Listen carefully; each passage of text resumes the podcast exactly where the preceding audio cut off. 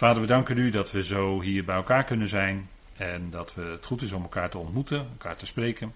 We danken u dat we ook op afstand via beeld en geluid met elkaar verbonden zijn. We danken u dat u ons ook vanavond weer wilt bepalen bij wat u zegt, dat geweldige woord van u.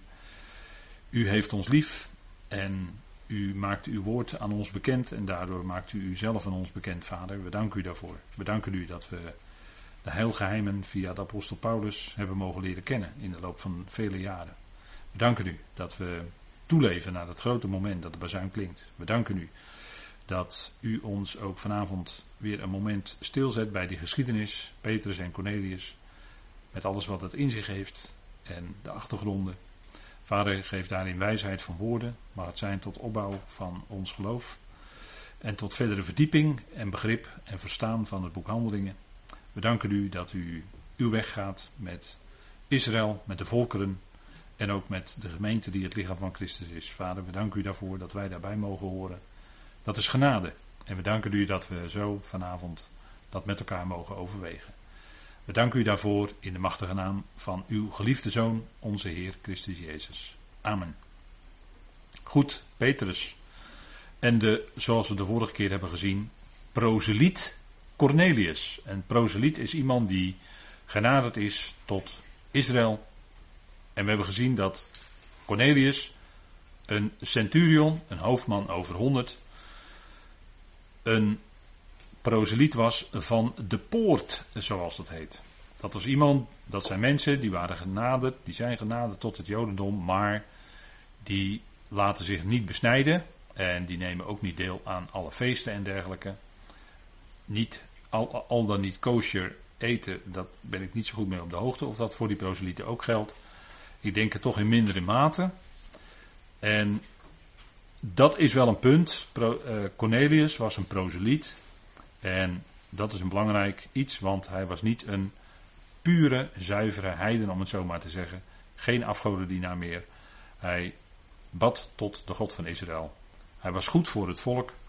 En uh, ja, hij was echt genaderd tot de God van Israël. En dat is uh, denk ik een, een punt wat wel eens vergeten wordt in de uitleg en wat juist zo ontzettend belangrijk is. We gaan kijken wat dat uh, te zeggen heeft. En hier ziet u een overzichtje van twee gedeelten uit dit, of het overzicht eigenlijk van hoofdstuk 10, moet ik zeggen. Overzicht van hoofdstuk 10. En we zien dat Cornelius, die heeft een gezicht en hij hoort iets.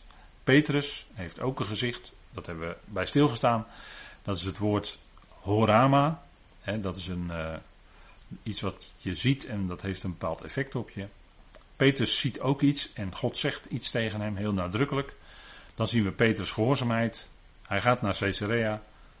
En Cornelius vertelt, is het volgende gedeelte. En dan Petrus gehoorzaamheid opnieuw. Dat is het mooie van zo'n structuur. Dan ziet u dezelfde punten weer terugkomen. En dan is het gezicht wat Petrus zag vervuld. Wat God reinigt, tussen aanhalingstekens. Daar zullen we vanavond ook wel wat dieper op ingaan. Dan ziet u het plaatje hier, dat is bij Caesarea, een eh, beroemd aquaduct, zoals je dat had. Dat is een bovengrondse waterleiding, zoals dat in die tijd was. En dat zag je doorheen het Romeinse Rijk. En hier bij Caesarea, als u in Israël geweest bent, en wij zijn er ook geweest, dan is dat eh, best wel indrukwekkend als je dat ziet. Hè? Caesarea, daar aan de kust. Cornelius, en dan uh, gaan we even verder inzoomen op hoofdstuk 10. Dan zien we dat twee gedeelten als het ware aan elkaar spiegelen. U ziet dat ook in de uitdrukkingen. En daarboven ziet u een foto van het amfitheater van Caesarea. Dat is daar nog steeds als bezienswaardigheid. En dat is toch wel apart. En verder nog een, iets aan de kust. Dus het lag echt aan de kust. En dat is natuurlijk op zich ook al beeldend. Uh, Caesarea ligt aan de kust. Dus hier zitten we aan de grens van het, zeg maar het droge land. En de zeeën. De zee. En de zee is in de Bijbel vaak een type van de volkeren. De wateren die je gezien hebt, wordt ook in openbaring 17 gezegd. Tegen Johannes. De wateren die je hebt gezien, Johannes, dat zijn volkeren, talen, menigten en natieën. Dus dat is de uitleg hè, bij het woord uh.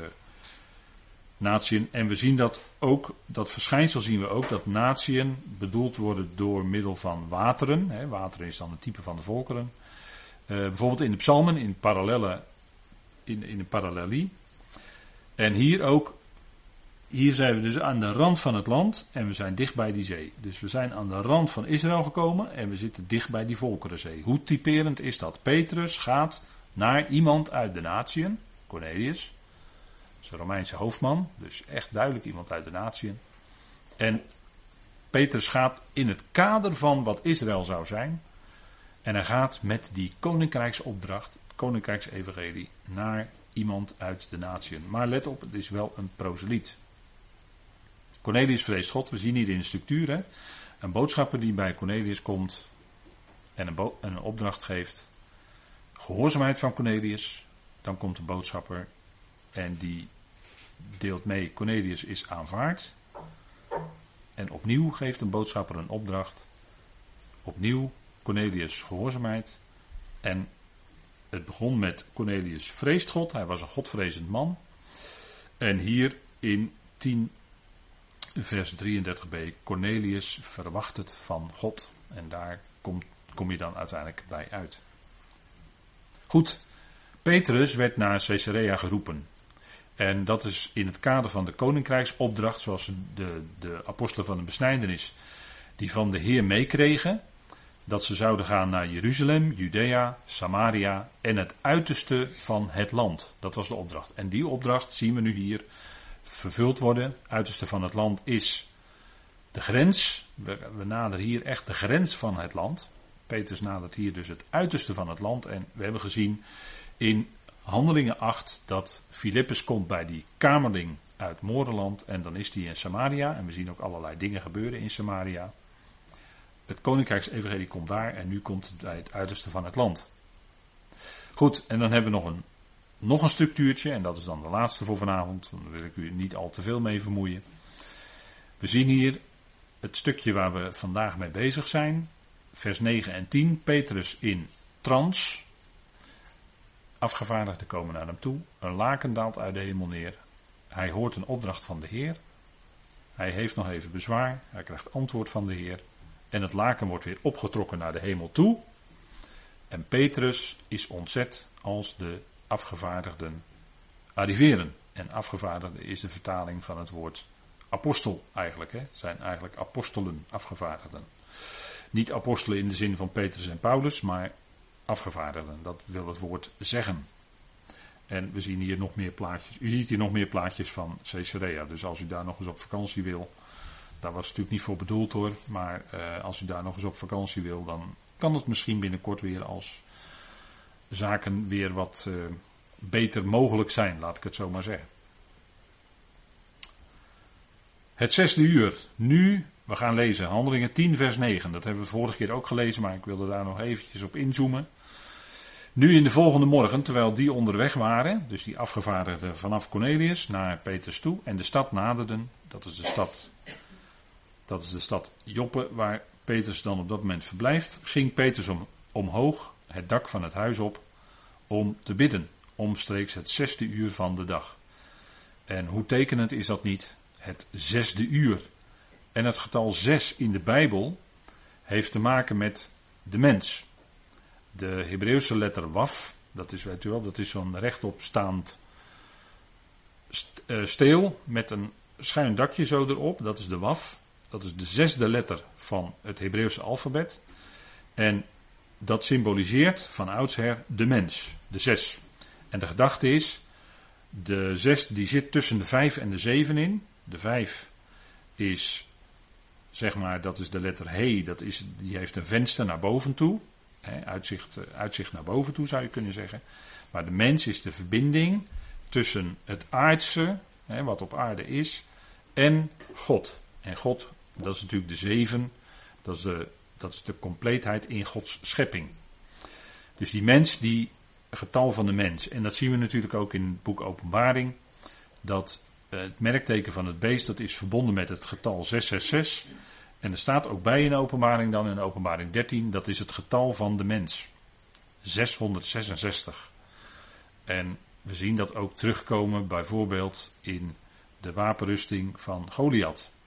Daar zien we ook die drie, hè, de 600, de 60 en de 6, die zien we daarin terug. Goliath is ook een type van de wetteloze, van de antichrist. Maar goed, uh, daar ga ik nu verder niet dieper op in. In ieder geval ging Petrus het uh, op een vaste uur. Kennelijk hadden ze allemaal vaste uren om te bidden, hè, voorgeschreven.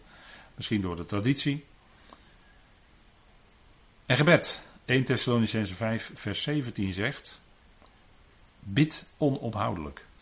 En dat lijkt onmogelijk voor ons als mensen, maar toch geeft God dat gebed in ons hart. En op het moment dat je weer dat mogelijk is, heb je weer dat bewuste contact, dat gesprek met Vader. Bid onophoudelijk. Paulus was een apostel die geroepen was en die vroeg ook voortdurend om gebed. En diverse plaatsen in zijn brieven zegt hij ook: Broeders, bid voor mij. En broeders is natuurlijk ook zusters. Bid voor mij en bid voor de voortgang van het evangelie. Ik denk dat dat ook dringende dingen zijn waarvoor we kunnen bidden. Naast al het andere waarvoor u bidt en dankt. Ook voor die voortgang van het evangelie. Het woord van God is niet gebonden aan tijd of plaats. Het woord van God gaat altijd door. Dat is niet te stoppen. Dat is God zelf die daarvoor zorgt. En Petrus die was dan op het zesde uur, hè, zes, het getal van de mens. En op zich hoeft dat nog niet negatief te zijn, maar daar waar de mens zichzelf centraal gaat stellen, zich onafhankelijk van God opstelt, dan is het eigenlijk mis. De mens der wetteloosheid, die manifesteert zich in onze dagen en zal culmineren in de wetteloze, die ook genoemd wordt de zoon van de destructie in 2 Thessalonicense 2. En dat wil zeggen, dat is een Oosterse manier van spreken, hè? zoon van, zoon, zonen des donders, hè? Eh, Boanerges, zoon van de destructie, zonen van het oosten, worden in Job genoemd. Typisch, uh, een typisch Oosterse uitdrukking is dat. Dat wil zeggen, je bent de zoon van de destructie, je bent gedoemd om uiteindelijk toch die destructie mee te maken. En dat zal die wetteloze ook meemaken. Dat is de zoon van de destructie en de Heer zal hem teniet doen door de geest, door de adem van zijn mond, dat wat hij spreekt. En dan is het toppunt van de dag van de mens. De mens stelt zichzelf centraal. Getal 6 is voorbij. En dan komen we ook gelijk in de zevende dag terecht. Waar de mens zich dus onafhankelijk van God opstelt, wil zichzelf centraal stellen. Waar de mens afhankelijk is van God, daar is ook gebed. Onmiddellijk. Daar waar de mens afhankelijk is van God, is er gebed. De heiligen van Tenach baden ook, leest u maar in de psalmen. David, Asaf, noem ze maar op. Waar de mensen van gebed. En ik denk dat wij geestelijke mensen zijn die geroepen zijn tot het liggen van Christus. En dan zijn we ook mensen van gebed en zeker ook van dank. Want ik denk dat dank steeds meer op de voorgrond komt naarmate je groeit in het geloof. Naarmate je groeit in de genade, komt die dank steeds meer op de voorgrond. En ga je steeds meer God van tevoren danken voor wat hij gaat doen. Je gaat hem niet bidden wat hij allemaal moet doen. Nee, je gaat danken voor de wijze waarop God dingen in je leven en in het leven van hen die je lief zijn en in die andere gemeenteleden gaat uitwerken. Dat is zoals Paulus ervoor bidt in Filippenzen 4. En dat is eigenlijk de hoogste, de hoogste wat geopenbaard is, hè? Filippenzen 4. Wees in geen ding bezorgd, zegt Paulus daar. In geen ding bezorgd zijn. Dan zegt u, ja, dat is bijna onmogelijk. En toch zegt Paulus dat. Wees in geen ding bezorgd, maar, maar laten bij alles met gebed en smeking jullie verzoeken bekendgemaakt worden bij God. Met dankzegging staat er dan nadrukkelijk bij, met dankzegging. En dan ontdek je dat dat zorgelijke. En natuurlijk heb je elke dag te zorgen voor een heleboel dingen. Je hebt te zorgen voor je kinderen. Je hebt misschien je zorgen voor je kleinkinderen. Je hebt je zorgen voor medefamilieleden. Natuurlijk. En daar zorg je ook voor. Maar ten diepste je echt zorgen maken in je hart, zodat je hart je zodanig wakker houdt dat je s'nachts niet kan slapen en je hart gaat maar te keren, bonkt in je keel en noem alles maar op. Dat is denk ik iets dat als je op die manier leert bidden en danken en het aan God leert overlaten en de dingen ook kan aanvaarden uit Gods hand, ik denk dat er dan van binnen iets bij je gaat veranderen, waardoor de spanning die er is, die innerlijke spanning, waardoor je, waardoor je lijf gespannen staat, dat dat, dat dat anders gaat worden. En dat die spanning dan uit je lijf gaat verdwijnen. En dan kan het best zijn dat je in, in, in goede ontspanning komt. Ondanks dat je misschien heel druk hebt, dat je heel veel dingen hebt om voor te zorgen. En dat is allemaal prima, dat is hartstikke goed. Maar dan wordt het anders. Dan wordt het anders. Dan ben jij van binnen anders in die situatie. Want je rekent met God. En God is liefde, is die liefdevolle vader. Aan wie's hand wij door het leven gaan. En daarom hoeven wij ons. Ik, het gaat niet om wel of niet moeten of mogen, daar praten we nooit over. Praat alleen over dat het anders is als je dat aan God kan overlaten. En dat is een groeiproces. Daar hoef je ook niet krampachtig in te zijn of jezelf op te, te bestraffen van, oh, dan heb ik het weer niet aan God over kunnen laten. Nee, nee, nee, nee. Zo niet. Nee. Stapje voor stapje leren. Geef het uit handen. Open handen. Vader doet u het. En dan ontdek je dat hij het ook gaat doen. Maar vaak dan weer op zijn tijd, niet op jouw tijd, want jij wil alles gelijk geregeld hebben, precies zoals jij het wil. En God regelt het toch meestal anders. En dan moet je ook leren accepteren. En dat moest Petrus ook leren. Petrus die kon niet, die, die, die kon het op dat moment nog niet om naar zo'n notabene wel een proseliet die zelf genaderd was tot de God van Israël. En toch was hij in de ogen van Petrus en van de Joodse mensen, in, in het kader van het Jodendom, was hij ceremonieel onrein. Hij mocht niet voorbij de Zorrecht komen. Bij die muur, weet je wel, die middenbuur van afscheiding, waar Paulus over spreekt in, in Efeze 2, vers 14. Hij, kon niet bij, hij mocht niet voorbij die Zorrecht komen, omdat hij een heiden was. Er stond een muur voor en als je die zou passeren, dan stond daar zelfs de doodstraf op. Stond er gewoon in. Er zijn nog overblijfselen van in musea, ook in het museum, uh, Israëlisch Museum in Jeruzalem. Kan je dat gewoon oog in oog, kan je die tekst lezen. En zo was het in die tijd. Dus die, voor Petrus en die, en die apostelen was het ondenkbaar dat je zomaar, ook al was het een proseliet, maar het is iemand uit de natie, dus dan ga je niet zomaar naar binnen. Die is onrein. En dat moest Petrus leren. En daarvoor was dat gebed ook nodig. Dat hij op dat zesde uur in dat gebed zat. Dat dat God natuurlijk allemaal zo bepaald. Dat Petrus in Joppe was. Dat hij daar in gebed was. Al die details had God zo allemaal geregeld.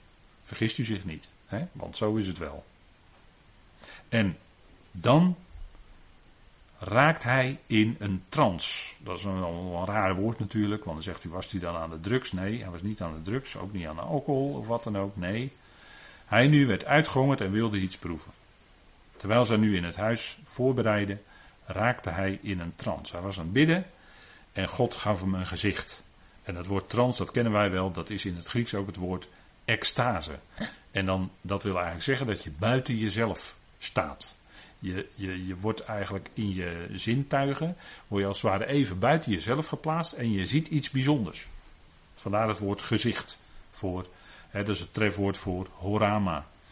En ze waren aan het voorbereiden en hij ziet hij iets in een trance. Hij raakt buiten zinnen.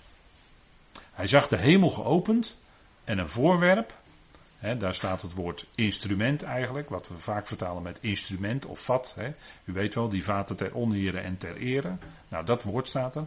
Een voorwerp afdalend, iets als een groot laken met vier randen, neergelaten op de aarde waaraan toebehoorden alle viervoeters en reptielen van de aarde en vliegende schepsels van de hemel. Dit is eigenlijk een beeld van de mensheid. Hij was daar op het zesde uur. En Petrus moest leren dat hij, dat die hele mensheid voor God aanneembaar is. En Petrus moest leren dat hij bij zo'n ceremonieel onreine Cornelius gewoon dat hij naar hem toe kon gaan. Dat, dat is natuurlijk de bedoeling van dit neerlaten. Maar let op dat dit een groot laken is met vier randen. Die details die staan natuurlijk niet voor niks. Vier wil zeggen, vier is het getal van de wereld. Van deze aarde. We kennen vier hoeken van de aarde. We kennen vier windrichtingen enzovoort. Dat weet u allemaal wel. Er waren ook vier tezamen met onze Heer op Golgotha gekruisigd. Twee rovers en twee misdadigers. Als beeld van dat die hele oude mensheid, die hele wereld, samen met Christus gekruisigd werd. Dat is ook vier. Die vier en die ene. dat is een, een, thema wat heel vaak uh, terugkomt in de schrift. Als je, uh, als je daar oog voor hebt. Hè, als je leert afvragen van, goh, waarom staat het er nou zo? En er staat ook neergelaten op de aarde. Dus het kwam naar beneden, maar het kwam wel op aarde. Vandaar die vier. Vier hoeken, vier randen. En waaraan toebehoorden, dus al die schepselen die aan de aarde toebehoorden, die God geschapen heeft. Viervoeters, reptielen van de aarde en vliegende schepsels van de hemel. Hè, de, het gevogelte. Dan heb je natuurlijk rein en onrein gevogelte. Hè, daar wordt in de schrift ook over gesproken. Die nestelen in die boom, weet u wel, in Matthäus 13. Dat heeft te maken met Babel, met Babylon. En dat is niet toevallig, want het woord onrein, eh, wat we tegen gaan komen, dat heeft daarmee te maken. Maar goed, al die schepselen, al die geschapen wezens, al die dieren, die dan, sommige horen bij de aarde, sommige horen bij de hemelen, allemaal door God gemaakt, voor hun eigen omgeving. God heeft de vogels als zodanig geschapen, die zijn natuurlijk niet, ja daar hoef ik niet eens over te praten. Nee, God heeft ze zo, over, zo geschapen, dat is wat er staat. En de wereld, die is ook van God.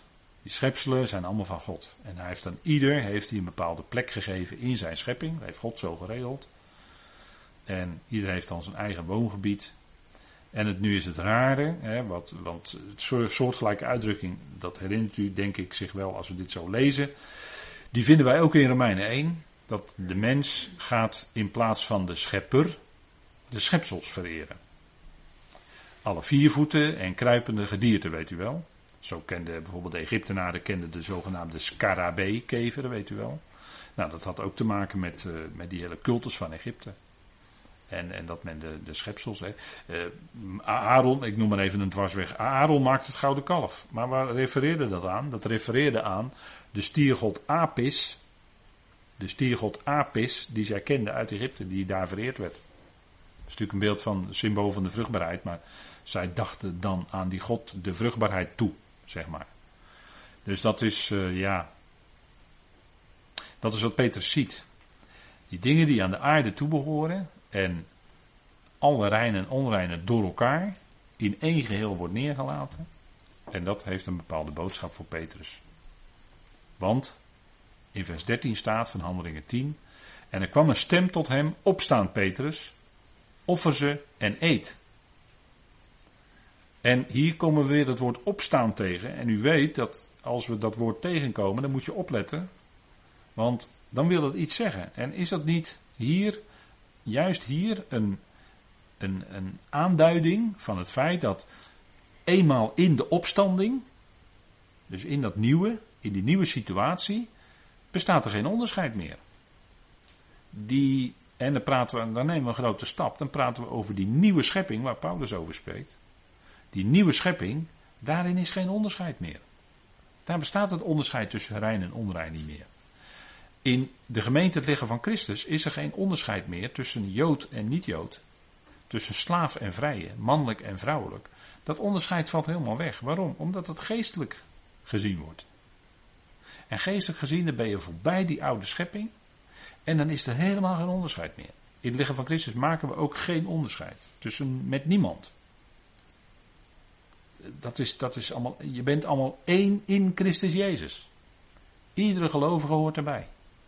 En het gaat helemaal niet om gradaties van kennis. Nee, iedere gelovige die echt gelooft in de Heer Jezus Christus, laat ik maar even heel simpel, heel kort zeggen, die hoort daarbij. Die heeft diezelfde geest ontvangen. En dat maakt één. En niets anders dan dat. En Petrus moest dat, dat leren, want hij zat nog in, eh, en dat, dat maken mensen ook mee, hè? Want als je het evangelie leert kennen, het evangelie van de genade bedoel ik, dan kan het best zijn dat als je uit een bepaalde achtergrond komt, dat je een heleboel tradities die je met je meedraagt, moet je kwijtraken. En dat heb je in het begin, als je net, als je net die grote verandering hebt meegemaakt, heb je dat nog niet zo door. Maar dat doe je jaren over, dat die tradities, en dan uh, gebruik ik maar een uitdrukking die ik ook maar uh, opgepikt heb van uh, van een ander. Maar die tradities die in je zitten, daar ben je niet zo bewust, maar die zijn er misschien van jongs af aan ingekerfd in je ziel. Die moeten eruit. En dat, is, dat, dat kan jaren duren voordat die tradities uit jouw systeem zijn. En, en, en dat, dat kan bij mensen met een bepaalde zware achtergrond jaren en jaren en jaren duren. Voordat je echt helemaal ook leeft, 100% leeft door en in en van genade. Dat, is, dat, is, dat kun je niet van de een op de andere dag.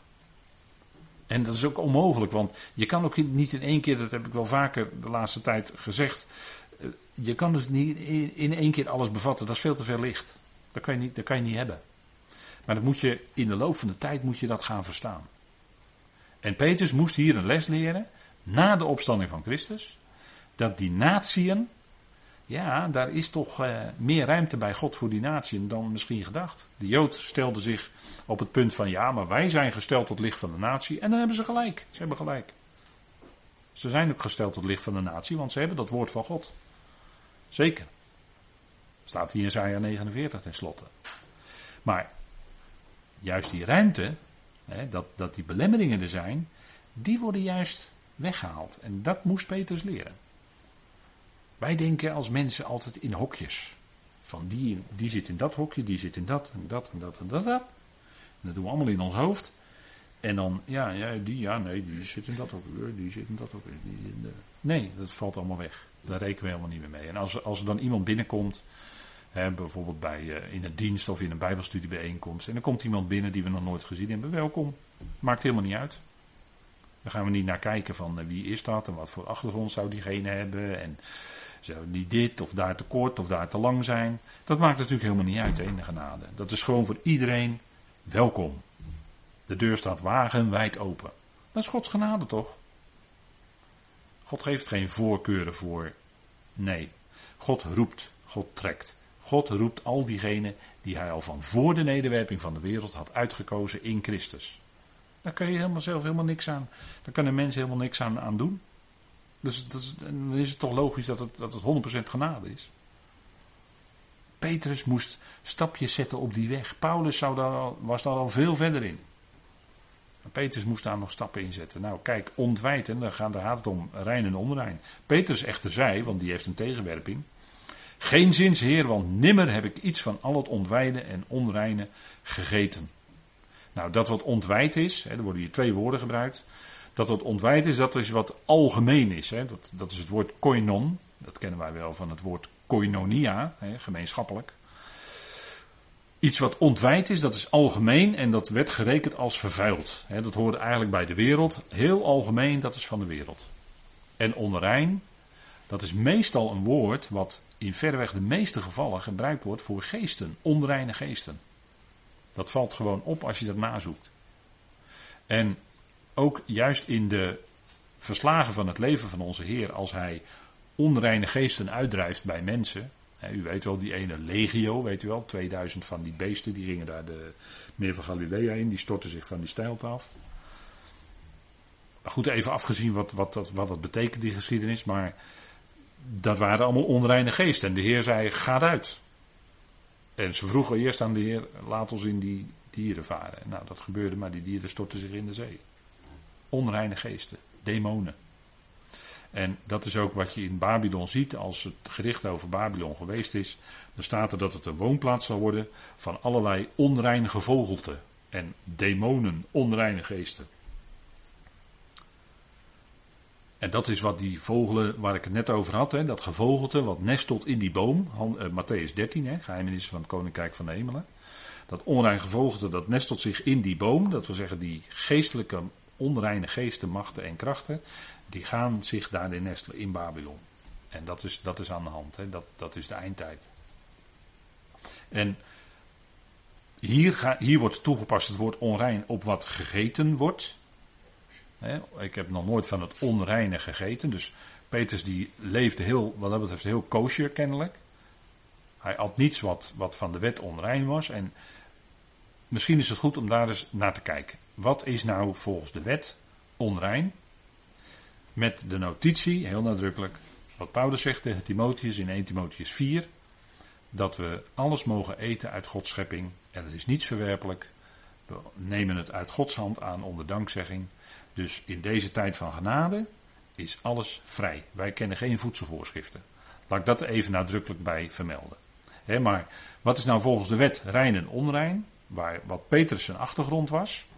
Nou, dat is bijvoorbeeld in wat in Leviticus 11 staat. Alles wat gespleten hoeven heeft en en herkoud, hè, dus het moet allebei zijn, gespleten hoeven en herkauwen, dat mag je eten. Nou, dan zijn er bijvoorbeeld de voorbeelden, ik heb het allemaal even samengevat op deze dia's. Een geit mag je eten, een hert, een gazelle, een reebok, een steenbok, een spiesbok, een antilope, een gems. En al wat vinnen en schubben heeft. Dus als je lekker op de Noordzee gaat vissen en het heeft vinnen en schubben, mag je het uh, s'avonds uh, mag je een vuurtje maken en dan lekker opeten. Volgens de wet dan. Hè. U ziet hier een uh, zwaard, zwaardvis, zwaard, walvis, wat is het, zwaardvis. En een antilope met een jong. Nou, dat waren reine dieren, die mag je dus eten. En in Deuteronomium 14 is een hoofdstuk, daar staat er ook wat over. Hè? Dus zien we even wat kosher, laten we zeggen, kosher en niet kosher is. Hè? Dat zijn de Israëlische wetten waar ze zich nog steeds aan houden. Dat noemen ze de kashrut. Dat zijn Talmoedische voorschriften. En uh, dat is allemaal heel precies. Dan moet je twee, twee bestekken hebben, twee vaatwassers, twee keukens bijna. Hè, want uh, wat, wat wel en niet goed is, mag niet met elkaar in aanraking komen, enzovoort, enzovoort. Wat mochten ze van de wet dan niet eten? He, wat was voorgeschreven door Mozes om niet te eten? Alles wat alleen gespleten hoeven heeft, of alleen herkoud. Dus zodra het één van die twee is, mag het niet eten. Nou, dat geldt bijvoorbeeld voor de kameel. Dus u kunt niet naar de. U mag niet naar de broodjeszaak gaan en daar een broodje kameel gaan eten. Uh, althans, als je koosje leeft, hè, kan je niet, uh, dat kan je niet doen. Of haas. En u ziet hier op deze foto een klipdas. die hebben allemaal. En wat geen gespleten hoeven heeft, bijvoorbeeld een varken. En, want die herkoudt namelijk niet. Die loopt dan te, te slobberen en te, te slubberen en die, die eet van alles op. Maar die herkoudt het niet. Dus het komt niet terug om later te herkauwen. En je mag kadavers, dus dode dieren, mag je niet aanraken, want anders ben je ook, hè, anders ben je ook onrein. En dat zullen we ook nog zien. Maar dit is uh, uh, van varkensvlees is natuurlijk wel bekend. Uh, dus het heeft wel een bepaalde achtergrond. Maar goed, ja, daar kan je natuurlijk wel of niet op letten.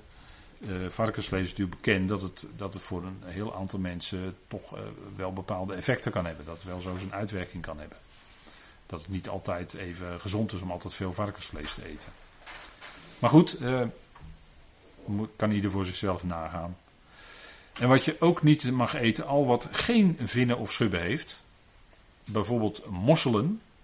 En dat zullen mensen, sommige mensen wel uh, denken van nou, ik vind uh, mosselen eigenlijk best wel lekker.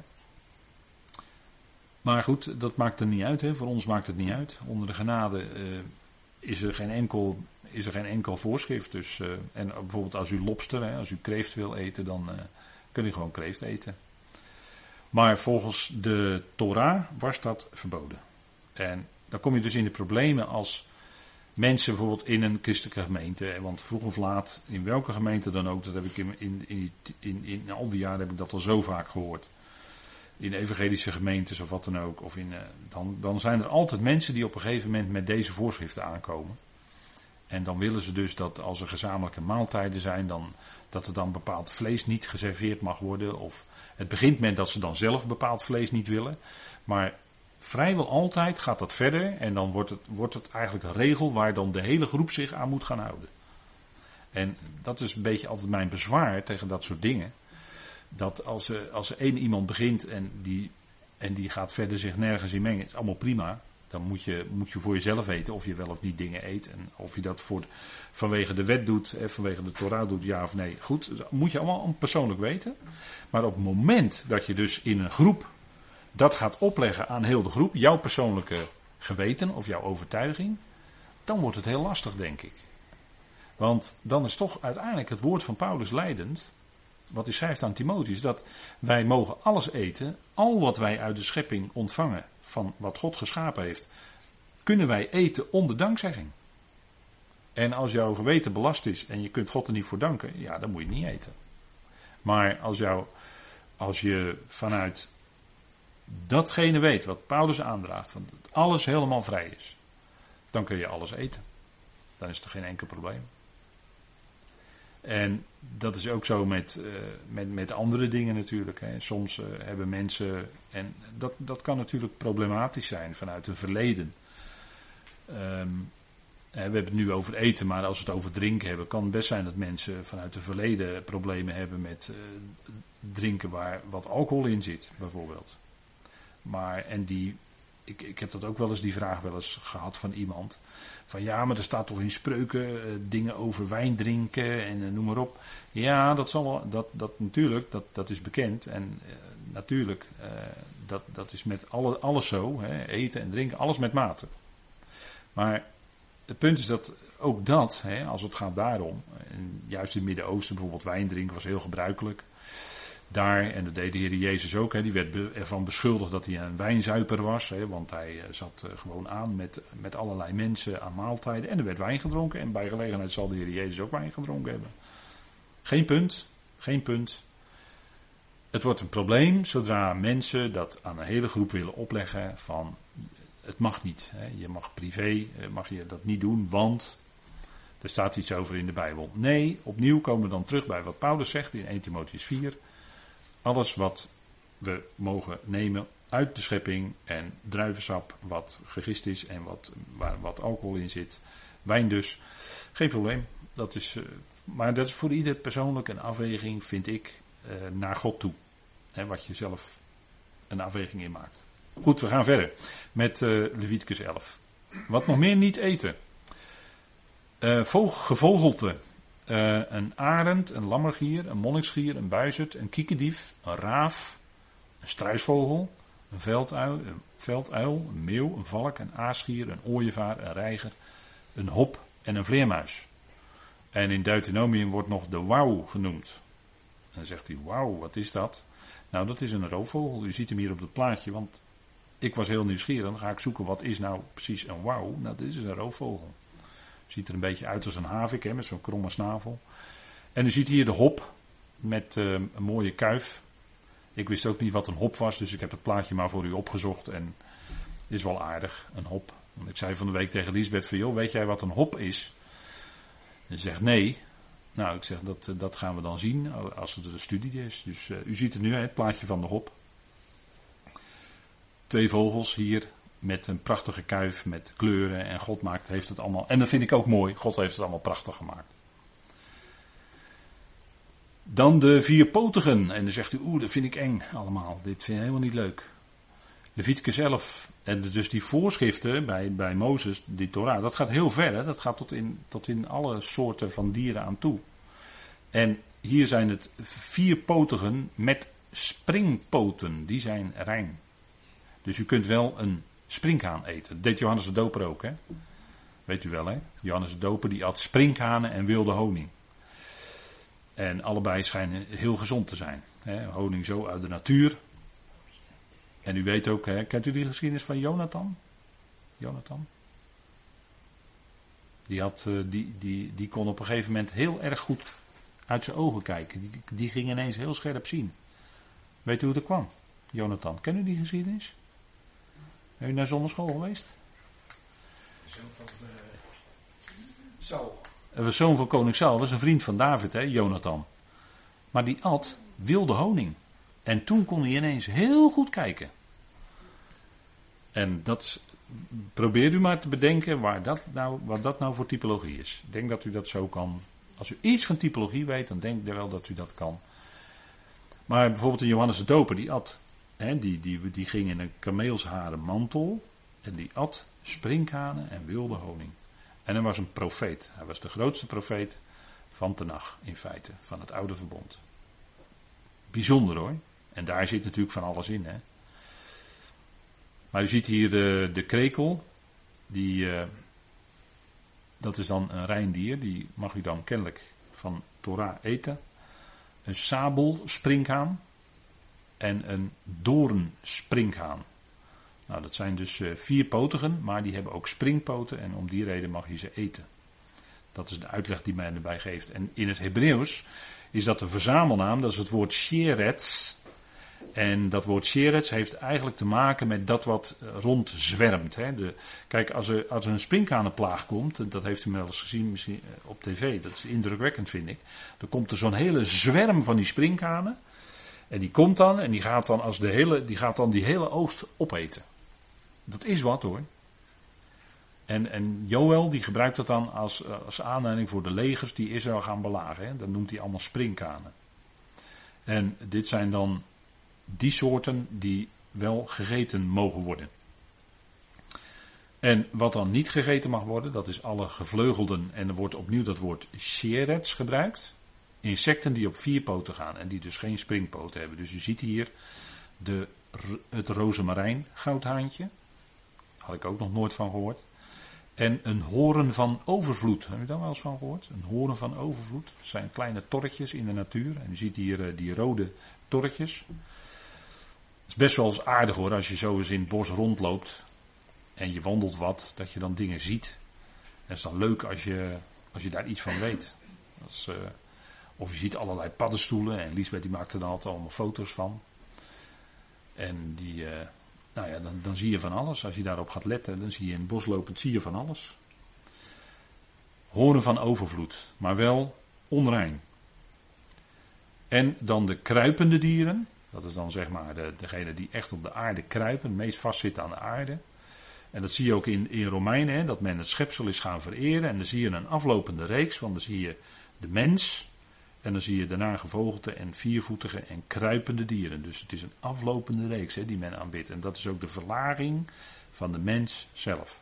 hoe lager de mens zich verlaagt, hoe lager ook het gedierte is wat hij gaat aanbidden. Of wat hij als symbool ziet als een, als een god.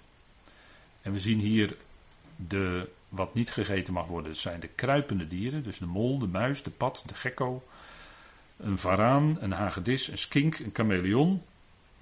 En zulke soortgelijke dode dieren die verontreinigen. En alle kruipende, en er wordt het woord weer gebruikt, sherets. want als uh, torren die komen vaak in hele grote families voor. En u ziet hier het plaatje van de skink en de gekko.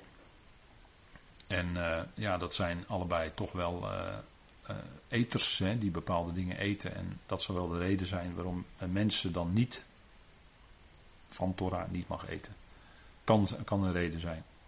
Maar goed, dan heeft u een beetje idee van de achtergrond van Petrus. Die ziet dan dat laken komen met reine en onreine dieren. En die hield zich strikt aan de, aan de voor, voorschriften. En nu moest hij ineens, hè, laat de Heer hem dat zien, en nu moest hij ineens wel gaan eten. Dat is wat.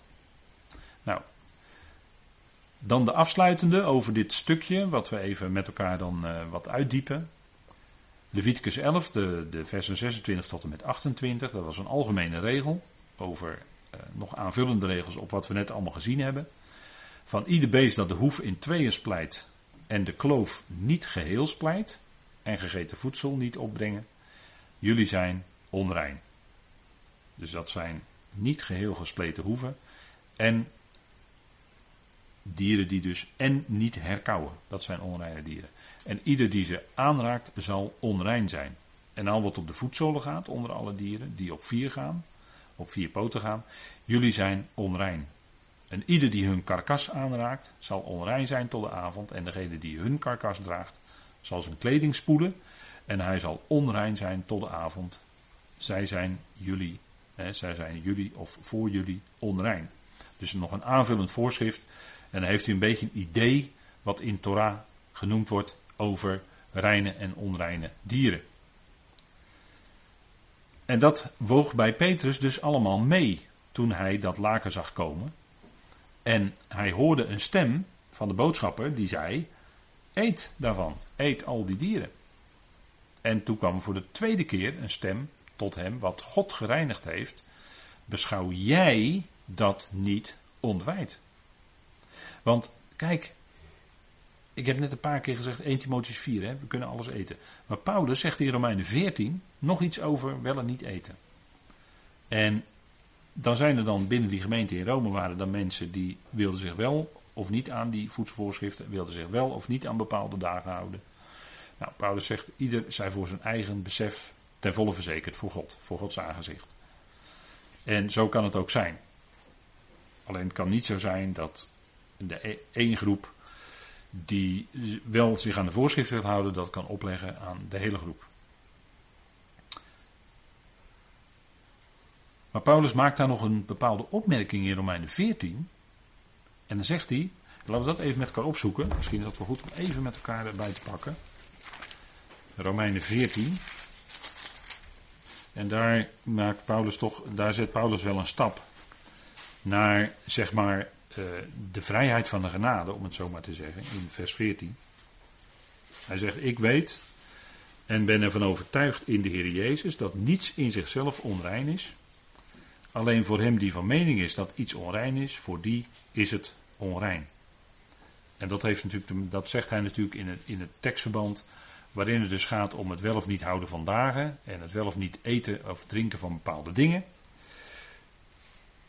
Hij zegt voor wie het onrein acht, maar in zichzelf is niets onrein.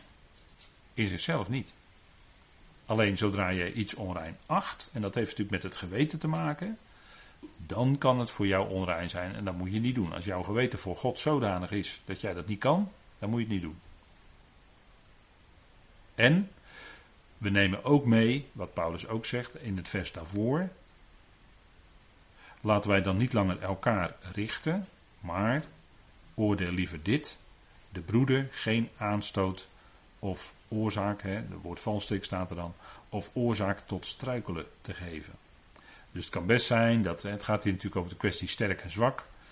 Als jij sterk bent in het geloof en je bent ervan overtuigd, wat Paulus hier zegt, er is in feite uit Gods schepping niets onrein. Ik kan alles eten en ik mag alles, uh, alles wat mag ik tot me nemen.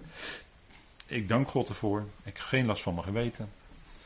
Ehm, dan kan het toch zo zijn dat je, als je in aanwezigheid bent en je, je, je hebt in een klein verband, uh, je eet met mensen en je weet dat die mensen wel aanstoot zouden nemen als jij op dat moment wel iets eet, dan uh, kan het best zo zijn dat je uit fijngevoeligheid zegt en je wil die ander niet aanstoot tot, tot aanstoot zijn of oorzaak tot struikelen geven, dat je dan daarmee rekening houdt en dat dan op dat moment niet eet. Hoewel je voor jezelf helemaal vrij bent.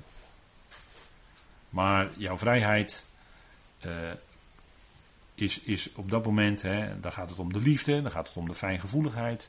Dat jouw vrijheid niet zodanig kan zijn dat je die medebroeder of zuster zodanig voor het hoofd gaat stoten in situatie. Uh, en terwijl je vanuit je vrijheid dat allemaal kan doen, maar toch hou je rekening met die ander. En dat is natuurlijk. Maar Paulus zegt er gelijk ook bij. En dan is het ook weer, eh, laten we zeggen, in evenwicht. Um, niets is in zichzelf onrein. En de Heer Jezus die zei natuurlijk ook al toen hij op aarde wandelde. Zei hij toch ook al iets in die richting. Want hij zei, ja, het, het gaat er niet om wat de mond binnengaat. Dat verontreinigt de mens niet. Niet wat de mond binnengaat. Maar wat de mond uitgaat. Dat verontreinigt de mens. Dus hij, hij keerde het heel mooi, keerde de Heer Jezus het om. Want dat is natuurlijk, hè. de woorden die wij spreken, wat de mond uitgaat, de dingen die wij zeggen. Ja, dat kan best zijn dat dat jou wel verontreinigt. Omdat het zulke dingen zijn, dat, dat past niet voor de gelovigen. Terwijl die fariseeën en schriftgeleerden, die, die, die merkten aan van, ja, jouw, jouw discipelen, heer, jouw discipelen, rabbi, die eten met ongewassen handen. En ze moeten voor het eten hun handen wassen. Nou, er staat nergens in Torah dat je dat moet doen. En, daar, en daar, daar, vielen ze natuurlijk over, over dat soort dingen. Maar de Heer Jezus gaf in feite aan, ja, maar dat zijn maar heel uiterlijke dingen. Het gaat er niet om wat je uit de mond ingaat, dat verontreinigt. Nee, wat je uitgaat. Dat. En dat is wat Peters ook moest leren. Hè? Hij moest leren dat, dat, dat het hart van God, laat het maar zo, hè, zo zouden we het misschien kunnen zeggen. Dat hart van God, dat is ruim. En wees nou alsjeblieft niet gebonden aan allerlei ceremoniële dingen. Die ook deels door de rabbijnen erbij zijn gebracht. Door middel van de Talmud. En dat maakt het allemaal nog strikter en nog bindender en nog nauwer. Nee, Petrus moest daar uitbreken. Kijk, onder de genade is alles anders. Punt is dat God, die had deze in de ogen van Petrus ceremoniële onreine Cornelius was door God al gereinigd. Want Cornelius was genade tot de God van Israël. Hij was een Godvereerder. Hij deed goed aan het volk. Hij gaf aalmoes, hè, hij gaf barmhartigheid. Dus hij was al gereinigd voordat Petrus bij hem kwam en het evangelie van het koninkrijk bracht. En weet u dat het nu onder de genade anders is? Onder de genade maakt het helemaal niet uit tegen wie we het hebben. Dat zijn juist diegenen die, hè, waarvan wij zeggen, ja, maar dat zijn uh, die, die mensen die zijn met, uh, dat zijn mensen die zijn met uh, onfrisse zaken bezig geweest in hun leven, laat ik het zo maar even zeggen. Juist die hebben het evangelie nodig, natuurlijk. Zondaren hebben het evangelie nodig, want is het niet zo dat Christus Jezus in de wereld is gekomen om zondaren te redden? Te redden. En dat doet hij ook. Natuurlijk. Zondaren dus, doelmissers, onreine mensen, bevuilde mensen. Mensen die in de goot lagen of liggen. Voor die is het evangelie. Maakt niet uit hoe onrein ze zijn. Heel anders dan bij Petrus, hè. Petrus kwam hier bij een al vooraf door God gereinigde Cornelius. En dan kwam hij het evangelie van het koninkrijk brengen. Het evangelie van de genade is zo anders. Dat reikt diep naar de diepst gevallen zondaar. Waarvan Saulus zelf zei: Ik was de eerste, de voornaamste van alle zondaren. Kijk, dat is genade. Dat is juist voor diegene die het niet meer zien zitten en, en zichzelf uh, in, in al zijn. In, in, in, in alle dingen zich gewenteld heeft en noem maar op. Daarvoor is die boodschap van genade. Daarvoor is Jezus Christus aan het kruis gegaan. Voor die. Ja, dat is natuurlijk geweldig, hè? En, en als mensen die zo diep in de raggeling hebben gezeten. Als die tot geloof komen, wat een geweldige vreugde en blijdschap geeft dat dan. Want ja, zij beseffen, ja, dit is alleen maar genade. Het kon alleen maar genade zijn. Want ik had alles verspeeld. Ik, ik, ik zat diep in de, in de ellende. Door mijn eigen gedraging, ik heb me in alles gewend tot, tot en met. En als, als diegene dan tot geloof komt, ja, dat is natuurlijk geweldig. Wat een genade. Die, die, ja, juist degene die zo diep dat zegt de Jezus op een gegeven moment ook. Hè? De meest diepe, diepgevallen zondaar, juist die zijn extra dankbaar, blij en gelukkig. Want die beseffen, die beseffen hoe erg hun situatie was. Als ze dat evangelie van genade steeds beter leren kennen, gaan ze dat steeds beter beseffen. Dat het werkelijk grandioze genade is van God. Vreugde geeft dat. Vreugde bij de zondaar, die zich gered weet, en zich nog niet bewust is dat het al lang van tevoren bepaald was door God natuurlijk. Maar vreugde bij die zondaar en natuurlijk vreugde bij, ja, bij God zelf, bij Christus Jezus. Daar is weer een zondaar en dat brengt natuurlijk ook bij hen vreugde, natuurlijk. natuurlijk. En het evangelie, als je dat hoort, daar word je toch blij van. Dat kan toch niet anders. Dat is toch geweldig. Mensen, reddeloze zondaren, niettemin gered want het hangt niet van henzelf af. Nee, Christus Jezus is redder. Dat is geweldig, hè? Nou, laten we daar even mee gaan pauzeren.